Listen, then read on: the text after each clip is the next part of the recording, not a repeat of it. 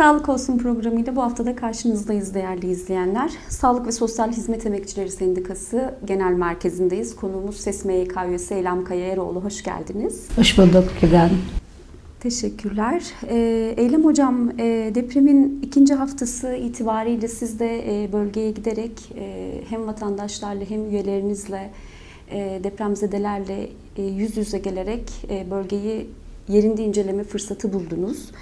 Ee, aslında depremin başından itibaren e, hızlı bir şekilde koordineli olan e, sağlık e, e, sendikalarından bir tanesiniz. Türk Tabipleri Birliği ile birlikte, e, KESK'le birlikte e, deprem alanlarında sağlık hizmeti e, sundunuz ve sorunları e, tespit ederek çözümlerine yönelik de tartışmalar yürütüyorsunuz. Şimdi o günden bugüne aslında uzun bir süre geçti. Neredeyse bir aya yaklaşıldı. Hem sizin e, gördükleriniz, gözlemledikleriniz, e, üyelerinizle, depremzedelerle olan o e, iletişimden bugüne değişenler hem de sese gelen o bilgiler doğrultusunda iktidarın yapıp yapmadıkları, öte taraftan hızlı bir şekilde koordine olarak koordinasyon içerisinde e, alanda vermiş olduğunuz sağlık hizmeti, o dayanışmaya dair tüm bunların toplamını e, değerlendirmenizi rica edecektim. Çok teşekkür ederim. Böyle bir fırsatı verdiniz. Bizim çok güçlü kuruluşlarımız yok ama sizin gibi gazetecilerimiz var. Ee, hazırlama, ısmarlama, PR çalışmalarıyla her şeyin yolunda gittiğine dair reklamlarımız, reklam kampanyalarının yürütüldüğünü hepiniz görüyorsunuz ama durum gerçekten öyle değil. E, neden? Hani bu algılara izin vermemek için. Yani biz, biz Sağlık ve Sosyal Hizmet Emekçileri Sendikası'nın ya da sendikaların aynı zamanda sağlık hizmetlerinin ve sağlığın yürütülmesiyle ilgili sorumlulukları da vardır. Sadece e, sınırlıklarımız, üyelerimizin sorunları değil, e, sağlık hizmetlerinin yürütülmesiyle ilgili neler yapılıyor, neler yapılmıyor, ihtiyaç nedir, ve bize orada düşen rol nedir bunları gözlemlemek üzere deprem alanında olmak zorundaydık ve oradaydık. Üç merkezde oradayız. Yani Adıyaman merkezde, Hatay merkezde ve Pazarcık'ta, e, Kahramanmaraş Pazarcık'ta üç yerde. E, biz bu e, KES koordinasyonu içerisinde yine TTB ile koordinasyon içerisinde hem mobil sağlık hizmetleri üretmek hem koruyucu sağlık hizmetlerini ihtiyaçlarını gözlemlemek ve koruyucu sağlık hizmeti vermek, aynı zamanda e, sosyal hizmetlere yönelik olarak tespitleri yapmak, gözlem, inceleme yapmak üzere oradaydık ve orada olmaya da devam ediyoruz. E, ve şunu gözlemledik, hiçbir şey göründüğü gibi değil ve gerçekten bu hizmetlerin Türkiye'nin gerçek sağlık organizasyonu ve sağlık yapısıyla giderilemeyecek durumda olduğunu, verilen hasarın bu giderilemeyecek durumda olduğunu zaten biliyoruz. Sizler de biliyorsunuz. Hani çok sıklıkla sağlığın sorunları üzerine program yaptık. E, Türkiye'nin e, sağlık insan gücünden tutun da sağlık altyapısının birinci basamak sağlık hizmetlerinin olmadığını, tedavi edici sağlık hizmetlerine yönelmek nedeniyle koruyucu sağlık hizmetlerinin ötelendiği bir sağlık hizmetleri yürütüyorduk. Yani ve böylesi bir depremde pandemide de esasında koruyucu sağlık hizmetlerinin ne kadar önemli olduğunu öğrenmiştik ama oradan bir ders çıkarmamıştık hızla yine tedavi edici sağlık hizmetlerine yönelerek ilerliyorduk ki şimdi bu depremi yaşadık. Bu depremde de koruyucu sağlık hizmetlerinin altyapısının neden önemli olduğunu hep birlikte görüyoruz. Şu an yapılmaya çalışan halk sağlığı problemi, evet akut dönemdeki yaralar sarıldı, akut dönemdeki ihtiyaçlar giderildi ama asıl yeni bir yaşamın kurulduğu çadır kentlerdeki sağlık ihtiyacı sağlığa ihtiyacı olan kırılgan grupların durumları, bunların tespit edilmesi ve bunlarla ilgili çalışmalar yapılmasıydı. Evet biz bunu yapıyoruz şu an. Ve devlet bunu yapamıyor, yapamaz da. Yani çünkü biz bu altyapıyı biliyoruz. Siz de biliyorsunuz birinci basamak sağlık hizmetinin aile hekimliğine indirgendiği bir sistemde aile hekimliği binaları enkazların altında kaldı. Hastaneler enkaz altında kaldı. İskenderun Eğitim Araştırma Hastanesi'nin yoğun bakımı çöktü altında emekçiler, nöbetteki sağlık emekçileri kaldı.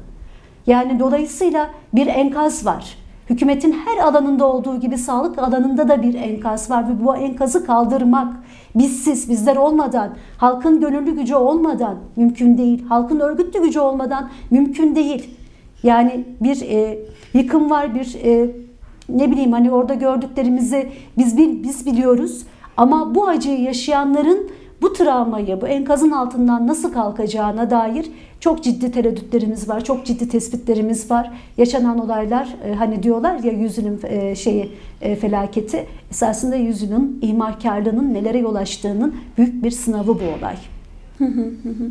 Şimdi şöyle aslında yaklaşık bir ay geçti ve biz hala sağlık emekçilerinin e, güvenli olmayan alanlarda çalışmaya zorlandığını hem sizin hem TTB'nin, TEP odalarının e, aralıklı olarak açıklamaları e, yapılıyor ve oralardan e, sağlık emekçilerinin taleplerini görüyoruz. E, deprem bölgesinde hasarlı binalarda hem hizmet devam ediyor hizmetin devam etmediği yerlerde de barınma ya da her ikisinin bir arada olduğu e, illerde mevcut yani. Evet, yani. Öte taraftan ha, üyelerinizin de buna yönelik somut talep açıklamaları da var. Bir de yani şu var, e, kayıp sağlık emekçileri var hala bulunamayan. Yaşamını yitiren sağlık emekçi sayısı 500'e yakın. Yani sağlık emekçilerinin işte şiddet yoksa enkazın altında kalıyorlar. Böylesine güvencesiz çalışma alanlarında çalışmaya zorlanması hala bugünkü tabloda yani bir ayı aşkın bir aya yaklaşıyoruz. Evet. Aşkın olmadı ama e, bu durumu nasıl değerlendiriyorsunuz? Üyelerinizden nasıl geri dönüşler Deprem, alıyorsunuz? deprem geçmişleri olan deprem ülkesiyiz. İzmir depreminden sonra ciddi bir şekilde Sağlık Bakanlığı'na tüm Türkiye'deki hastanelerin durumu nedir? Depreme dayanıklı tespit çalışmalarının yapılmasını ve bunun kamuoyuyla paylaşılmasını istemiştik. Yine aynı talebimizi yeniliyoruz. Yani olası depremler var, İstanbul depremi var ve şu an bölgedeki hastanelerin dayanıklılık durumu. Ya gidiyoruz, oradaki yetkililerle görüşüyoruz, sağlık emekçilerini ziyaret ediyoruz hastanelerde. Gözle bir tespit yapıyorsunuz. Hani binaların durumunu, e, yani yutongların yerlerinden çıkmış halini, çatlakları, şeyleri görüyorsunuz ve diyorlar ki biz burada kalıyoruz. Yani biz kalıyorsak bütün sağlık emekçileri kalabilir. Bunu yöneticiler söylüyor. Ama durum bu. Az hasarlı bina diyor. Kahramanmaraş e, Şehir Hastanesi yöneticilerle görüştük. Yani az e, hasarlı raporu verildi deniyor bize bağımsız mühendisler tarafından. Ama hani bu raporları gerçekten bağımsız mı? Gerçekten kamu yararı daha önceki yaşadığımız deneyimlerden dolayı. Yani biz şunu biliyoruz çürük binalara sağlam raporunun bilindiği bir ülkede biz nasıl ikna olabiliriz Kübra Hanım? İkna değiliz. Kamuoyuyla şeffaf bir şekilde, kamuda zaten şeffaflık ve kamu yararı denetim ortadan kalkmış vaziyette. Böyle bir durumda bence hiçbir sağlık çalışanı az hasarlı rapora da inanmaz, orta hasarlıya da ya da hasarsıza da inanmıyoruz esasında. Ama buna rağmen dediğiniz gibi zorla çalışmaya devam ediliyor. Sahra hastaneleri yapılabilme olasılığı varken ya da konteynerden hastaneler yapılma olasılığı varken, e, buralarda hizmet vermeye gönüllü bunca sağlık emekçisi varken bu ısrar nedir, nedendir yani? Biz e, biz tamam hastanelerimiz güçlü, hastanelerimiz ayakta demek yeni depremlerde sağlık emekçilerinin ölmesine davetiye çıkarmak da eş anlamda değil midir? Tam olarak da böyledir. Bunu bilerek ve isteyerek yaşanan olaylardan ders çıkarmak yerine ısrarla bir şey yokmuş gibi davranmak ve insanları çalışmaya zorlamak e, bir e, ne derler suçtur.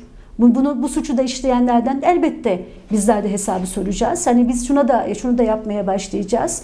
Özellikle yıkılan ve enkaz altında kalan sağlık emekçilerimiz için suç duyurusu ve sorunlar hakkında davalar açmaya başladık. Aç- açacağız da. Yani bunu başka sendikalar da yaptı ama biz de bunları yapacağız. Yapmak zorundayız. Dolayısıyla net olarak Hiçbir hastanede e, şeffaf bir şekilde bu denetimlerin gerçekten imzalı hangi kuruluş tarafından yapıldığına dair belgeler ortaya sunulmadan biz ikna değiliz ve biliyoruz ki şu an e, kamu binalarının hiçbirinin bu şekilde hani müteahhitlik e, şebekesinin bu şekilde döndüğü bir ülkede kimse bizim güvende olduğumuzu iddia etmesin, iddia ediyorsa da belgeleriyle ortaya koysun.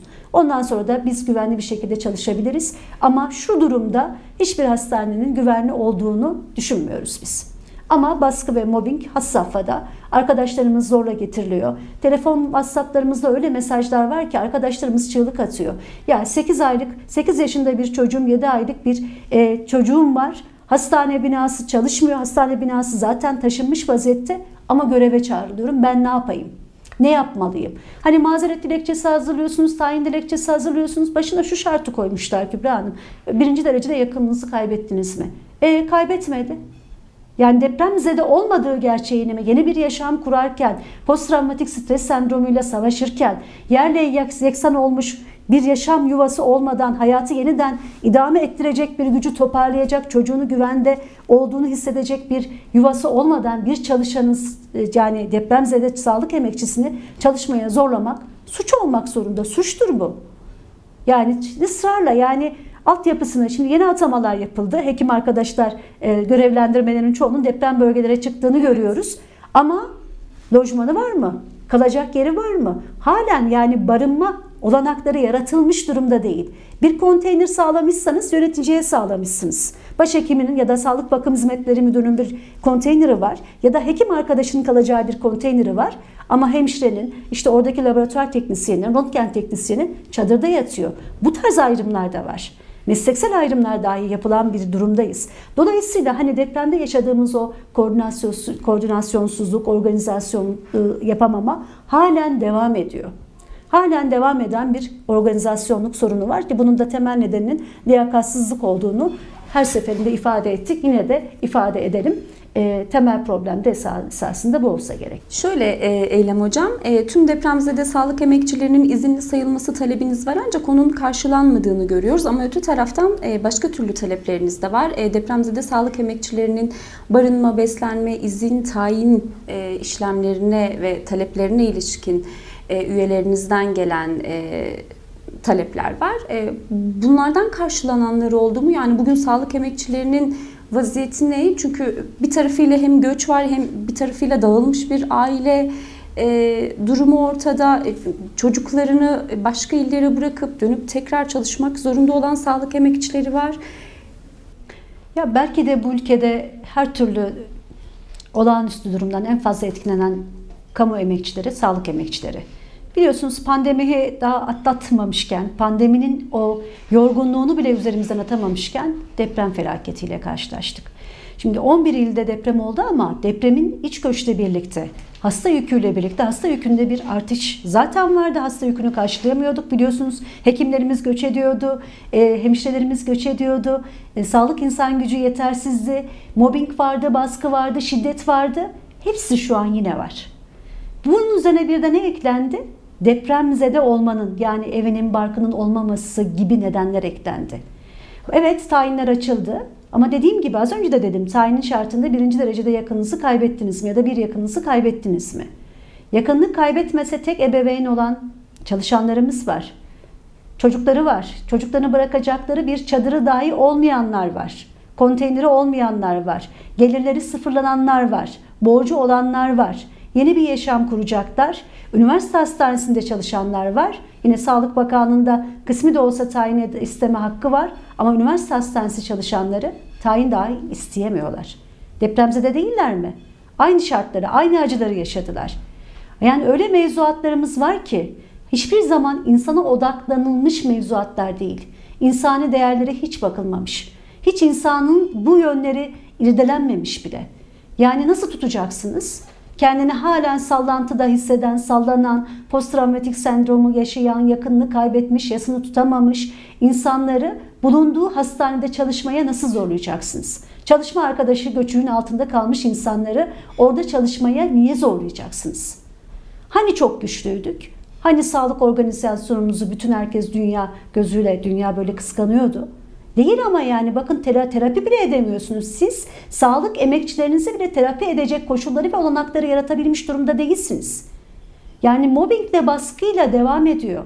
Öyle şeyler yaşanıyor ki şu an. Öyle trajediler anlatılıyor ki. Yani hepiniz de benim gibi aynı duyguları yaşıyorsunuzdur. Açıyoruz, ağlıyoruz, telefonumuzu kapatıyoruz, ağlıyoruz. Her güne ağlayarak başlıyoruz. Benim bir tane bile yakınım yokken, sizin bir tane bile yakınınız yokken orada Hatay'da, Maraş'ta, Adıyaman'da, Malatya'da bu acıları yaşayan sağlık emekçilerinin nasıl çalışmasını bekliyorsunuz? Ama zorla çalıştırıyorsunuz. Memurluktan atarımla tehdit ediyorsunuz. Ya daha fazla ne travma yaşatacaksınız bizlere? Yani devletin bir ciddiyeti vardır, devletin bir planları vardır, devletin A planı vardır, B planı vardır. Kadro imkanı vardır, devletin parası var, kesesi var, nereye akıtıldığını biz biliyoruz. Ama bir kez de ne olursunuz sağlık emekçileri için akıtın bunu. Yani onların yaralarını, halkın yaralarını sarmak istiyorsanız bizlerle birlikte bizlerin temel ihtiyaçlarınızı bakın temel ihtiyaç diyorum. Barınma, beslenme, hijyen. Daha bunları sağlayabilmiş değilsiniz. PR çalışmasıyla reklamlar çektirebilirsiniz, algı yaratabilirsiniz. Ama öyle değil durum. Ve şu an sahada bize halen depremin 25. 26. gününde olduğumuz günde halen köylerimizde, çadır kentlerimizde barınma, beslenme, hijyen ihtiyacı giderebilmiş değil. Arkadaşlarımız her köye tek tek gidiyor. Köyde uyuz vakası var mı, bitlenme var mı, üst solunum yolu enfeksiyonu var mı, idrar yolu enfeksiyonu var mı, gebe var mı, takipte kronik hasta var mı, ilacı ihtiyacı olan var mı, su ihtiyacı var mı karşılanmış bunların tek tek resmini çekmeye çalışıyoruz. Bunları esasında bizim değil, Sağlık Bakanlığı'nın görevlerinin yapması gerekliydi. Ama yapamaz bunu. Yeterli sayıda hemşiresi yok, yeterli sayıda çevre sağlığı teknisyeni yok, yeterli sayıda koruyucu sağlık hizmeti altyapısı yok. Hastanelerde de yeterli sayıda çalışan yok keza aynı şekilde. Dolayısıyla bizim çalışmalarımızı engellemek yerine bizimle işbirliği içerisinde yani Sevgi Parkı'ndan çıkarmaya çalıştılar bizi. Çıkardılar da nitekim. Ama oradaki temel neden çıkmayı kabul ettik ya da neyi gözettik? Halkımızın ihtiyaçları. Orada olmak zorundayız. Biz şunu biliyoruz. Başka korkuları olduğunu biliyoruz devletin. Ama o korkuyu bir kenara atmak zorunda. Orada bir sağlık hizmeti, adına ne derseniz, koruyucu, tedavi edici bir sağlık hizmeti yürütülmeye çalışıyor ve halkın buna çok fazla ihtiyacı var. Eğer orada o çalışmalar yürütülmeseydi, inanın ki Kübra Hanım şu an salgınlar başlamıştı. Şu an uyuz salgını salgın vaziyetinde değil ama artış var. Bitlenmede artış var. Neden? Çünkü su ihtiyacını giderebilmiş değilsiniz. Hijyen ihtiyacını giderebilseydiniz zaten biz bunları konuşama, konuşmazdık. Adıyaman'dan arkadaşlarımız raporlarını sunuyorlar. Adıyaman genelinde uyuz ve bitlenme vakalarında artış var. İlaçlarda azalma var.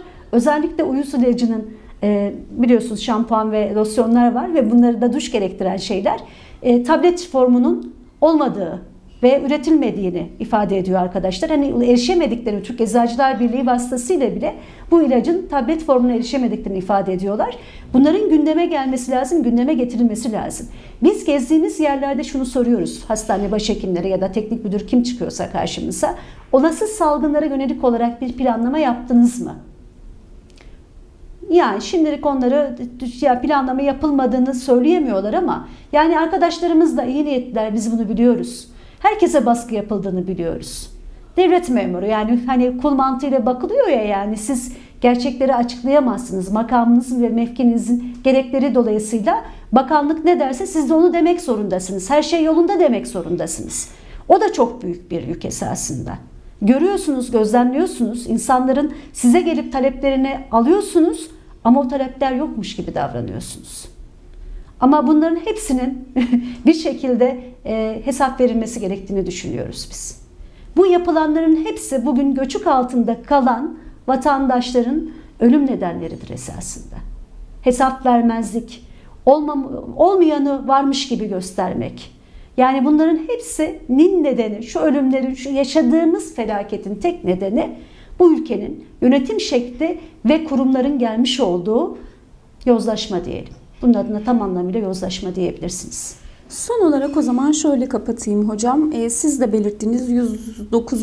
dönem devlet hizmetleri yükümlülüğü kurasında hiçbir altyapının, organizasyonun, e, ilk yapılması gerekenlerin, barınmanın, temiz suyun, birçok sorunların hala baki olduğu yerlere evet. çok ciddi bir sağlık e, emekçisini oraya gönderdiler. E, yakın dönemde de hizmete başlayacaklar. Ama aslında beklenen tabii bir tarafıyla da şuydu.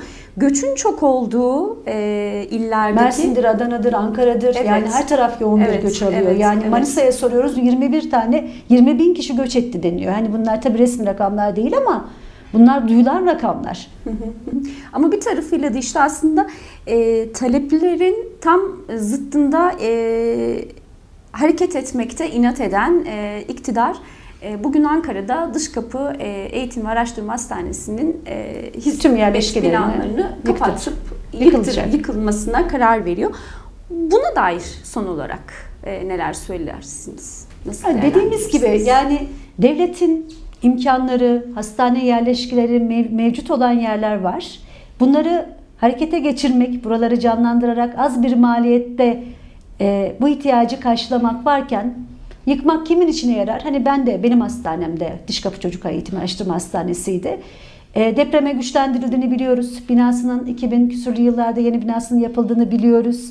Hani dış kapı biraz daha e, yetişkin hastanesi biraz daha eski olsa da çocuk hastanesinin binalarının depreme dayanıklılığının yapıldığını, yeni binalar olduğunu biliyoruz.